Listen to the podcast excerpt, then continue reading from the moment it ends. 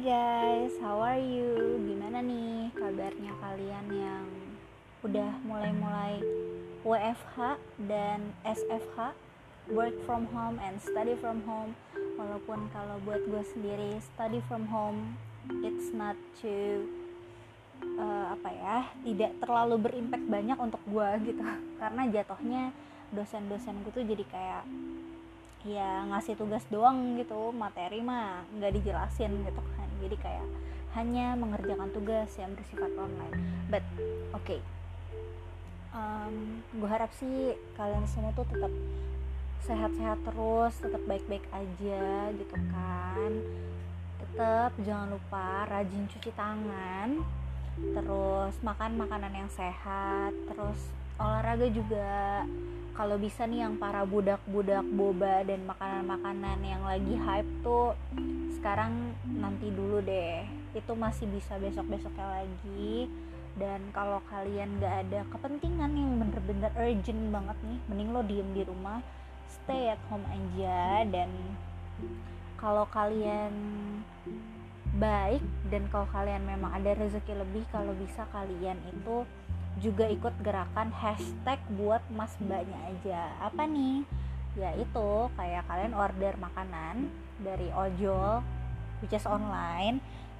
Uh, jangan lupa bayarnya via GoPay atau OVO.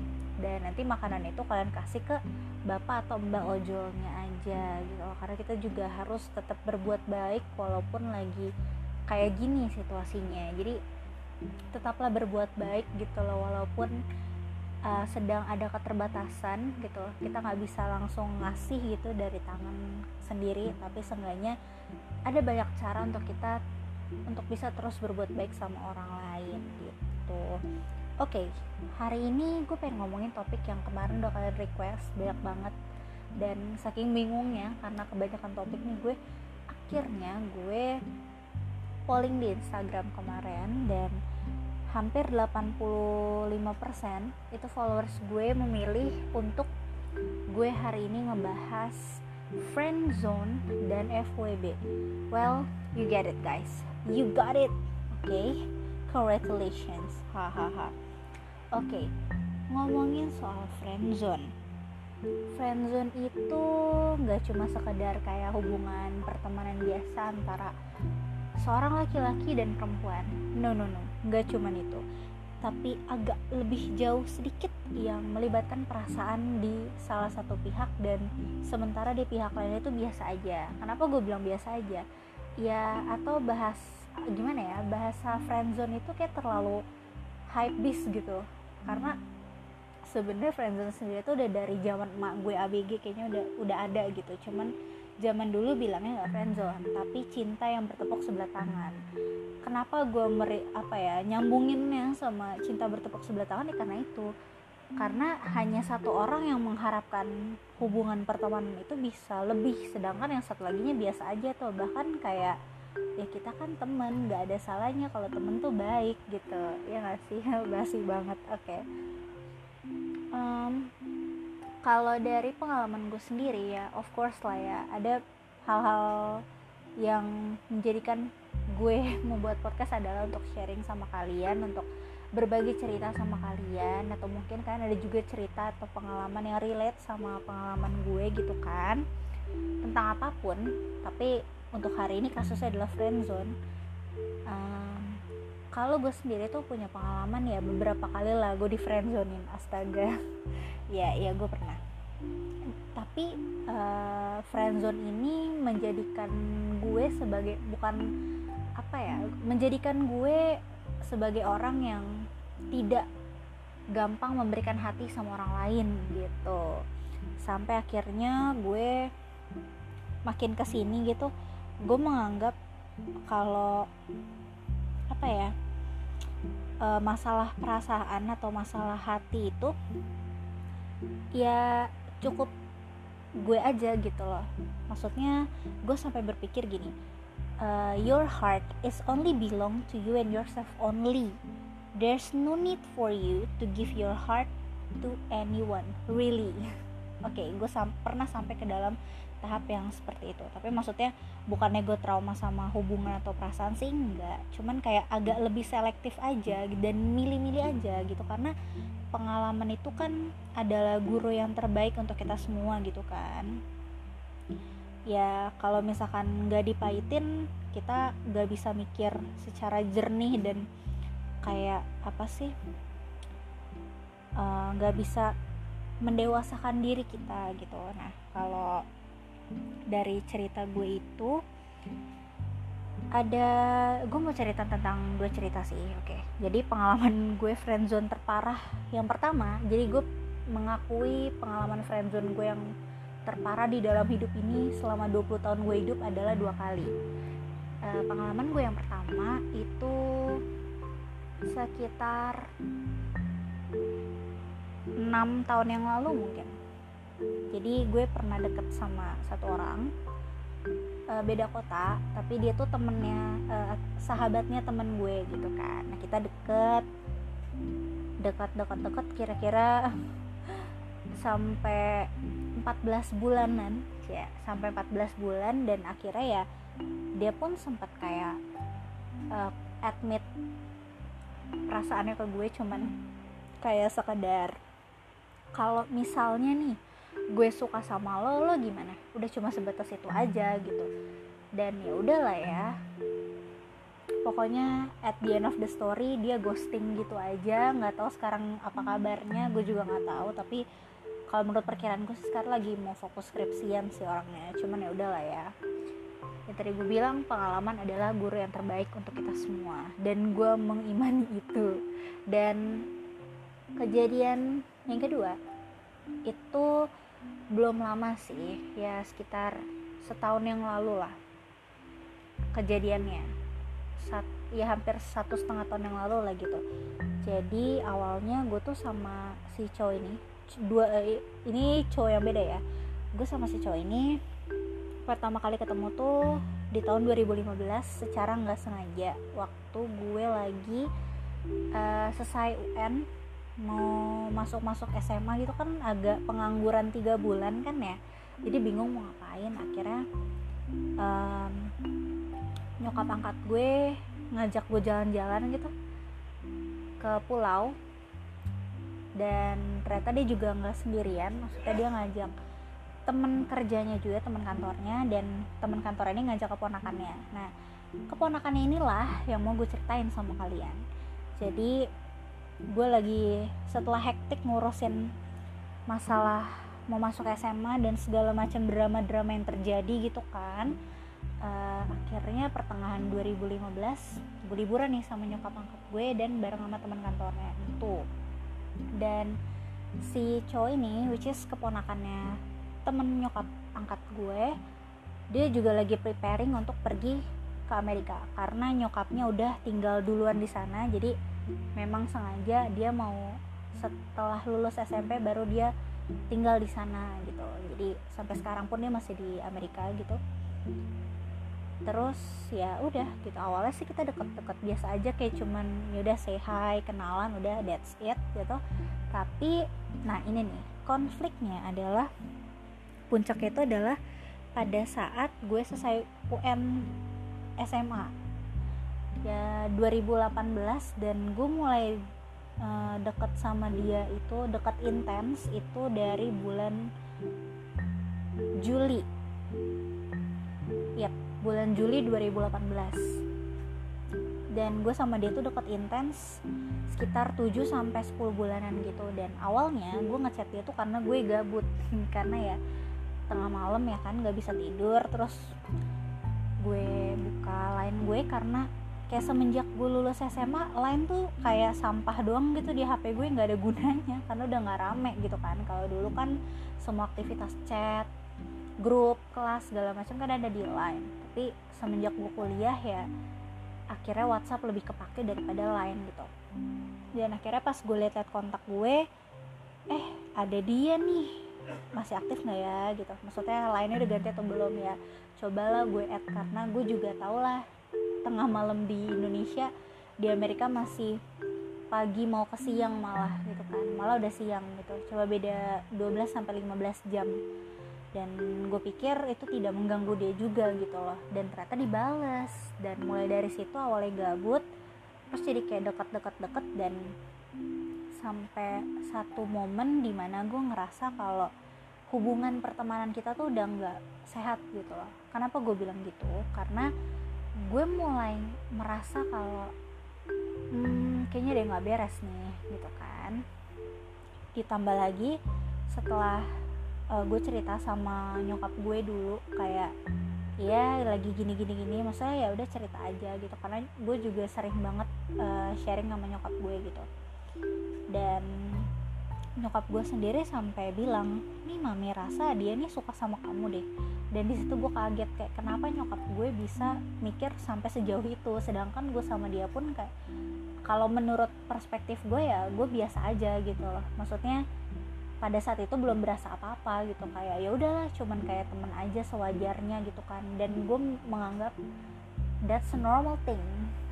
Kalau orang temenan ya udah kayak gitu. Dan akhirnya nyokap gue mulai menjabarkan analisis analisisnya dia gitu. Kayak mana ada sih orang kalau temenan doang tuh sampai teleponan berjam-jam? Uh, ya juga sih gitu. Karena gue sama dia tuh kalau teleponan tuh minimal 3 sampai 4 jam itu minimalnya. Kalau misalkan lagi malam minggu kayak hari Sabtu gitu dia selalu nanya gue gitu hari Kamis atau hari Jumatnya dia nanya nah hari Sabtu besok lo sibuk gak sabuk eh sorry sibuk jam in, jam di sana ya di Indo ya gitu. Oh enggak kenapa? Ya udah besok gue telepon lo ya jam 10-an lah jam 10 malam di sini gitu. Dan dia telepon gue.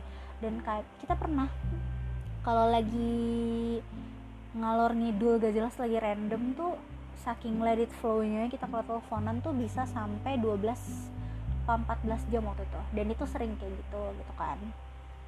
Dan dari situ gue pikir ya iya juga ya gitu. Dia kan gak gitu deket sama gue. Maksudnya bukan sahabat yang bener-bener uh, intens lah ketemunya gitu. Waktu di Indo juga ketemu dia cuman dua minggu doang gitu. Karena kita trip dari pulau Pulau Tidung. Terus dari Pulau Tidung kita extend ke puncak gitu loh. Dan itu pas lagi kayak libur lebaran gitu kayak pas dua minggu doang gue ketemu dia gitu. Dan setelah itu ya udah enggak. Tapi kita emang follow followan Instagram dan saling add line walaupun udah gak pernah chatan gitu. Kayak nggak pernah chatan gitu tapi ya udah gitu. Terus ya long story short akhirnya gue menanyakan hal ini sama si temen gue ini kan. Kayak eh menurut lo ini wajar gak sih kita kayak gini? Gitu. Terus ya dia bilang ya apanya yang gak wajar? Gue kan gak pernah nyuruh lo ngepap aneh-aneh atau gue juga gak pernah ngepap aneh-aneh sama lo gitu. Ya apanya? Gitu. Terus uh, selain teleponan ya dia juga pernah ngasih gue barang yang I never expect kalau dia akan kasih itu ke gue gitu. Ya yang satu barang bisa dipakai tiap hari yang satu lagi kayak uh, relate lah sama hobi gue karena kan gue Potterhead kan gue suka banget sama Harry Potter dan dia kayak ngasih gue sesuatu yang berkaitan dengan Harry Potter lah gitu. Dan nyokap gue bilang ini kalau cuman temen doang mana mungkin sampai ngebeliin kayak gitu? Dipaketin dari sana dikirim ke sini kurang kerjaan gak sih lo? Katanya coba lo pikir katanya. Mana ada temen yang kayak gitu gitu akhirnya gue tanya ke dia dan dia pun menyadari gitu loh. Iya sih cuman kan ya udahlah ya maksudnya kita juga fine fine aja toh gak ada masalah. Lu gak ada pacar gue juga gak ada pacar. Jadi kita tidak mm, apa ya tidak merasa seperti selingkuh atau apa lah gitu. Jadi kayak ya udah gitu. Ya kenapa sih emangnya emang temenan kita kayak gini gitu? Sampai one day he told me that eh, dia naksir sama temen dia gitu di sana dan awalnya sih gue fine fine aja. Cuman ya pada satu hari gue menyadari gitu emang agak telat sih. Dan gue sadar kalau ternyata gue tuh baper sama dia tapi gue nggak sadar. Saking gue terlalu cueknya gitu. Dan tidak terlalu apa ya terlalu tidak peka dan tidak mementingkan masalah itu. Karena gue pikir ya kita cuma temenan ya udah that's that's all gitu. Nggak ada yang lebih gitu. Tapi sampai akhirnya gue berpikir ternyata gue baper sama dia dan gue terlambat untuk menyadari itu tapi ya emang gimana ya gue juga tau lah dia adalah tipe orang yang gak bisa LDRan gitu. Jadi gak bisa dipaksain juga gitu kan. Dan gue udah tahu konsekuensinya akan seperti apa. Jadi kayak ya udah gitu. Dari situ um, gue memberanikan untuk confess ke dia. Tapi confessnya tuh bukan kayak gue nembak dia tuh apa enggak. Gue cuman kayak cerita aja gitu. Eh kayaknya gue suka sama lo cuman ya udahlah ya gitu. Tapi posisinya pada saat itu dia baru jadian sama si temen ceweknya yang dia taksir ini dan dia kayak ya udah gitu. Dan kita dari situ pun maksudnya semenjak dari kejadian itu jadi kayak awkward gitu kan kayak uh, meminimalisir chat lah. Jadi malah keterusan jadi jarang chat bahkan telepon pun telepon juga udah nggak pernah gitu. Dan terakhir kali kita kontak itu di bulan November waktu nyokap gue sakit dan gak lama meninggal ya dia juga ngucapin turut berduka cita. Udah cuman gitu doang gitu. Dan justru setelah kejadian itu kayak gue apa ya udah mulai terbiasa gitu loh untuk lebih mendewasakan diri lebih mengontrol perasaan lagi. Kayak sebelum sebelumnya juga gue kayak gitu kan. Dan ya gue bersyukur lah maksudnya gue bukan tipe orang yang gampang baper sama apa pun. Jadi ya gue bisa berpikir dan bertindak lebih netral gitu dan lebih dewasa juga gitu. Dan apa ya kalau kisah lainnya gue juga pernah sampai uh, dulu waktu SMA sih gue kayak um, suka gitu sama temen gue. Tapi ya kita deket udah hampir setahun juga. Cuman kayak kita tahu gitu karena kita beda uh, LDR LDR rumah ibadah jadi kita tahu ke depannya bakal gak gampang. Jadi kayak ya udah hubungan kita stuck di situ-situ aja. Kayak at least saling support. Terus ya ada temen cerita udah gitu doang sih. Terus dia juga beberapa kali sempat nganterin gue balik dan ya udah cuma segitu aja. Tapi yang gak enaknya adalah ya biasa lah ya kalau misalkan ada cowok ganteng tuh pasti ada fansnya gitu. Dan gue pernah sampai harus berurusan dengan fansnya berkali-kali. Kayak diteriakin atau apalah dan itu bikin gue ilfeel kan. Dan gue sendiri adalah tipe uh, tipe orang yang don't mess up with me gitu. Jadi akhirnya satu kali gue balikin uh, gue balikin semua yang diomongin ke gue gitu yang gak enak-enak yang gue balikin kayak ya udah terus apa? gitu. Dan akhirnya dia diem dan ya udah gitu. Dan lucunya lagi adalah dia adalah temen SD gue. Oh my god. Tough life. Iya kayak awalnya sih dia cerita sama gue gitu kan.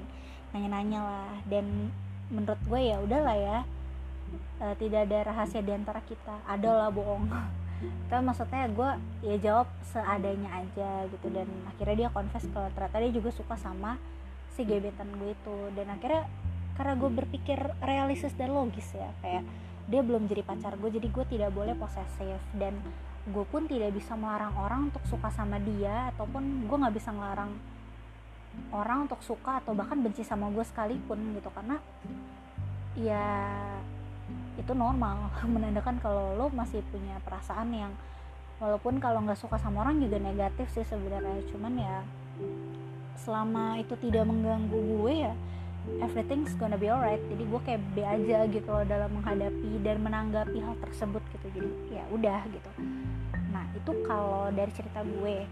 Tapi ada juga nih manusia manusia-manusia di luar sana yang sering ngomong tidak ada persahabatan yang murni antara laki-laki dan perempuan tanpa melibatkan perasaan. Tapi I don't think so karena gue sendiri di sisi lain ya on the other side gue juga berhasil membuktikan kalau gue bisa tuh temenan sama temen cowok yang bener-bener pure cuman sahabatan dan temenan aja gitu.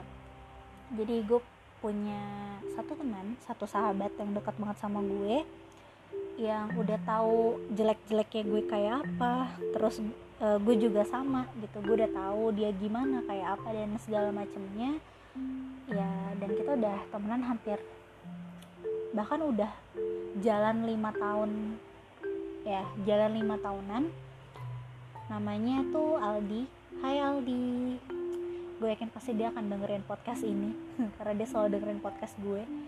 Dan ya itu dia adalah salah satu contoh uh, maksudnya kita gue sama dia adalah salah satu contoh pertemanan yang murni yang tidak melibatkan perasaan gitu. Karena kita sama-sama saling nyaman dan enjoy dengan hubungan pertemanan kita. Jadi cuman kayak ya fokus aja gitu sama pertemanan kita gitu. Tidak melibatkan yang lain-lain termasuk perasaan. But someday uh, atau nggak someday sih tapi kayak pokoknya adalah satu hari gitu di mana gue lagi pergi nih sama dia gitu kan. Terus random aja gitu dia nanya ke gue nah uh, lu kan orangnya kadang-kadang suka random nih kayak beman apa gitu. Ya walaupun nggak semua yang lo BM akan lo beli sih cuman kayak lo suka banyak BM kan suka kayak pengen ini pengen itu pengen ini pengen itu. Ah gue bilang kenapa nih? Gitu.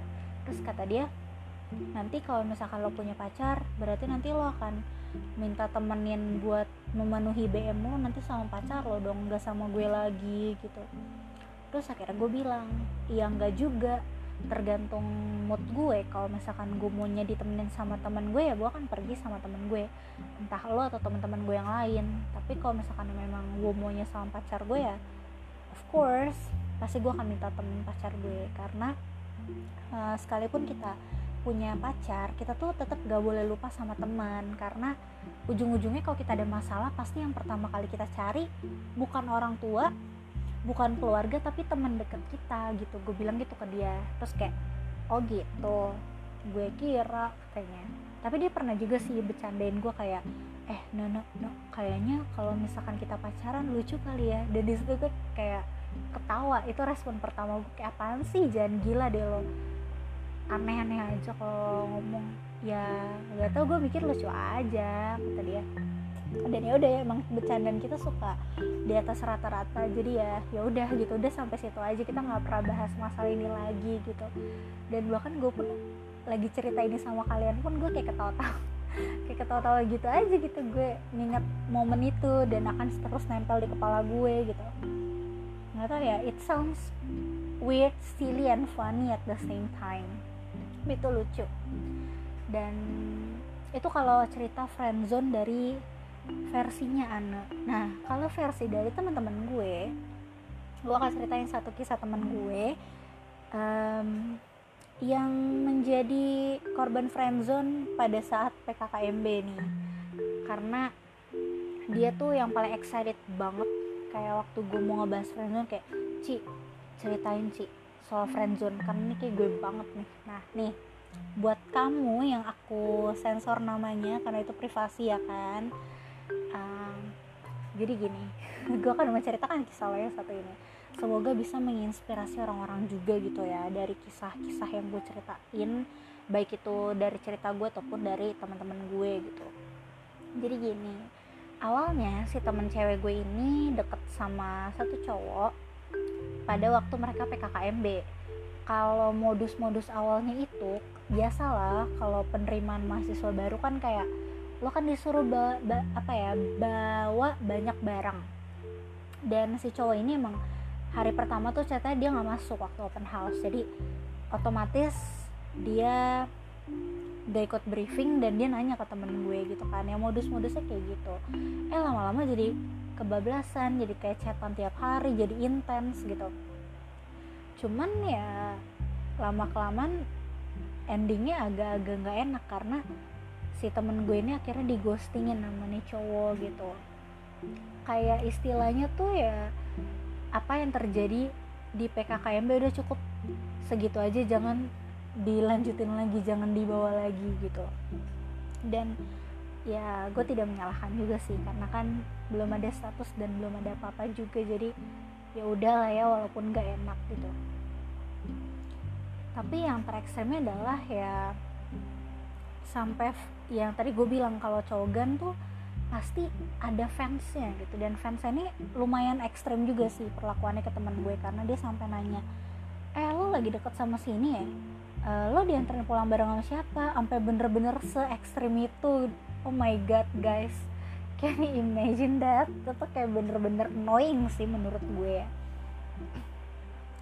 dan ya udah gitu setelah uh, mereka udah membubarkan diri tanpa alasan yang jelas ya akhirnya si fansnya ini juga udah nggak pernah nanyain temen gue lagi gitu.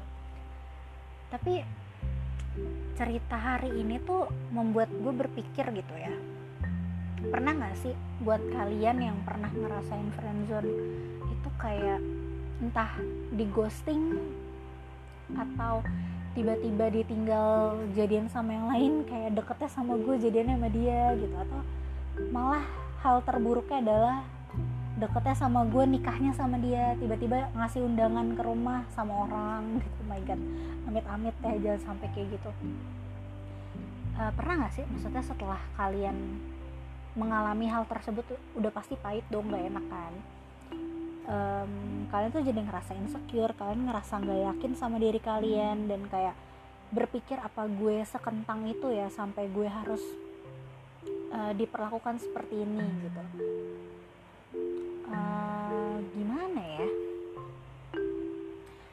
Gue tuh agak-agak rancu gitu loh karena kan di satu sisi ketika cowok tuh deket sama kita maksudnya sebagai temen dan dia baik sama kita dia treat kita secara baik itu kan belum tentu dia suka sama kita gitu. Cuman kadang ya lemahnya cewek tuh di sini. Kayak lo tuh nggak bisa gitu loh dibaikin sedikit tuh langsung memikirkan akad nikah mau pakai konsep adat apa gitu kan.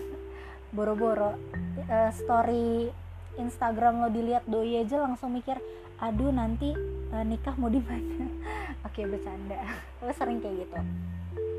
Cuman kalau kita lihat dari perspektif cowoknya kadang tuh nggak kadang semesta sering kali cowok tuh memperlakukan teman-teman ceweknya secara spesial dalam tanda kutip atau secara perhatian lah ya gitu. Itu karena mungkin kalau menurut gue tuh ya karena budaya patriarki di negara kita yang masih ada kental banget sampai sekarang di mana berkonotasi kalau perempuan itu adalah kaum kaum lemah yang butuh dilindungi dan diperhatikan secara lebih gitu. Dan kadang tuh mereka juga melakukan itu ya atas dasar memang temenan gitu ya udah karena lo temen gue ya udah emang kenapa sih gitu kan? Dan kadang ya mereka juga ngebaperin kita tuh tanpa sadar dan tidak disengaja gitu loh tidak diniatkan kecuali memang dia fuckboy itu beda cerita. Tapi ya karena cerita hari ini tiba-tiba gue tuh mikir gini ya kadang kita ngerasa apa yang kita pengen tuh Tuhan tidak mengabulkan gitu tapi gue mau buka pikiran kalian kalau ya bener sih kata kebanyakan orang kalau Tuhan itu akan selalu ngasih sesuatu yang kita butuh bukan apa yang kita inginkan gitu. Karena ketika Tuhan tidak memberikan yang kita inginkan itu belum tentu karena kita nggak pantas untuk mendapatkan hal tersebut. Melainkan karena kita mendap apa ya kita tuh pantas untuk mendapatkan hal yang lebih baik gitu loh daripada yang kita pengen. Dan itu yang mungkin yang sering terjadi sama hidup kita tanpa kita sadar gitu loh. Dan gue selalu percaya kalau waktunya Tuhan itu pasti yang terbaik buat kita gitu. Dan Tuhan tuh akan menjadikan segala sesuatu itu indah pada waktunya. Walaupun mungkin kita harus ngerasain pahit dulu ngerasain gak enaknya dulu dan kita harus telan itu bulat-bulat dan kita kayak ngerasa menderita dan segala macem. Mungkin itu adalah salah satu cara Tuhan untuk memproses kita menjadi sesuatu yang lebih baik gitu loh. Karena gue juga yakin kalau Tuhan itu juga menciptakan segala sesuatu tuh ada pasangannya gitu kan. Gak cuma manusia aja gitu. Dan apa ya kalau misalkan memang beneran dia buat kita itu gue yakin sih gak akan ada istilah rasa yang tepat di waktu yang salah. Tuh gak mungkin ada istilah kayak gitu. Karena kita pasti akan dipertemukan dengan orang yang tepat di waktu yang tepat juga gitu. Dan buat kalian yang sering atau mungkin lagi ngerasa nih ya, kalian tuh lagi terjebak di situasi gak enak kayak gini gitu ya ada baiknya kalian tanyain ke depannya mau gimana. Karena kita nggak mungkin dong uh, buang-buang waktu kita bareng sama orang yang gak jelas arah hidupnya. Terus hubungan kalian tuh mau dibawa ke mana. Better if kalian nanyain itu ke dia. Tapi jangan menuntut tapi ya tanyain aja gitu. Kalau lagi santai just just take it slow gitu. Jangan terlalu terburu-buru gitu. Dan kayaknya podcast hari ini akan agak panjang dari dua podcast sebelumnya karena dari friendzone gue akan beralih ke FWB apa nih FWB oke jadi FWB tuh buat kalian yang belum tahu adalah singkatan dari friends with benefits. Atau bisa dibilang bahasa lainnya atau bahasa Indonesia teman tapi mesra gitu. Di mana kalian tuh e, bisa melakukan hal-hal yang menyenangkan dengan teman kalian yang biasanya temannya tuh bukan sahabat tapi lebih ke apa ya stranger. Nggak stranger sih apa sih kayak gak gitu deket lah. Bukan teman deket tapi kalian sama-sama memberikan benefit satu sama lain. Yaitu dan tanda kutip melakukan hal-hal yang menyenangkan. Yang di mana hubungan seperti ini tuh biasanya hanya dilakukan oleh orang-orang yang e, maunya bebas tanpa ikatan hubungan gitu. Karena di hubungan FWB ini sendiri tuh tidak ada komitmen tidak ada drama-drama baper dan segala macamnya gitu. Karena um, the main rule dari FWB adalah gak ada komitmen dan gak ada perasaan satu sama lain. Jadi kayak kalian tuh melakukan itu ya sekedar untuk have fun aja gitu sama-sama diuntungkan tanpa harus berkomitmen atau melibatkan perasaan kalian gitu. Dan gue berpikir kalau hubungan ini tuh hanya bisa dijalankan oleh orang yang benar-benar cukup dewasa dalam menyikapi perasaan dan mengontrol pikiran dia juga gitu loh. Karena uh, sebenarnya sebagai manusia yang paling susah itu menyelaraskan pikiran dengan hati gitu. Karena kadang pikiran kita bilang udahlah buat have fun aja. Cuman gak munafik lah ya manusia itu pasti akan ada satu momen di mana dia merasa perasaan dia lebih dominan daripada pikirannya gitu. Dan makanya gue bilang kalau hubungan ini tuh hanya bisa dilakukan oleh orang-orang yang benar-benar sudah dewasa secara pikiran dan perasaan dan dan yang pasti dilakukan secara bertanggung jawab gitu. Maksudnya bertanggung jawab ya bertanggung jawab sama diri sendiri karena kalau terjadi hal-hal yang nggak diinginkan kan ya lu nggak mungkin memaksa partner lo untuk bertanggung jawab karena kan lu sama-sama mau gitu loh.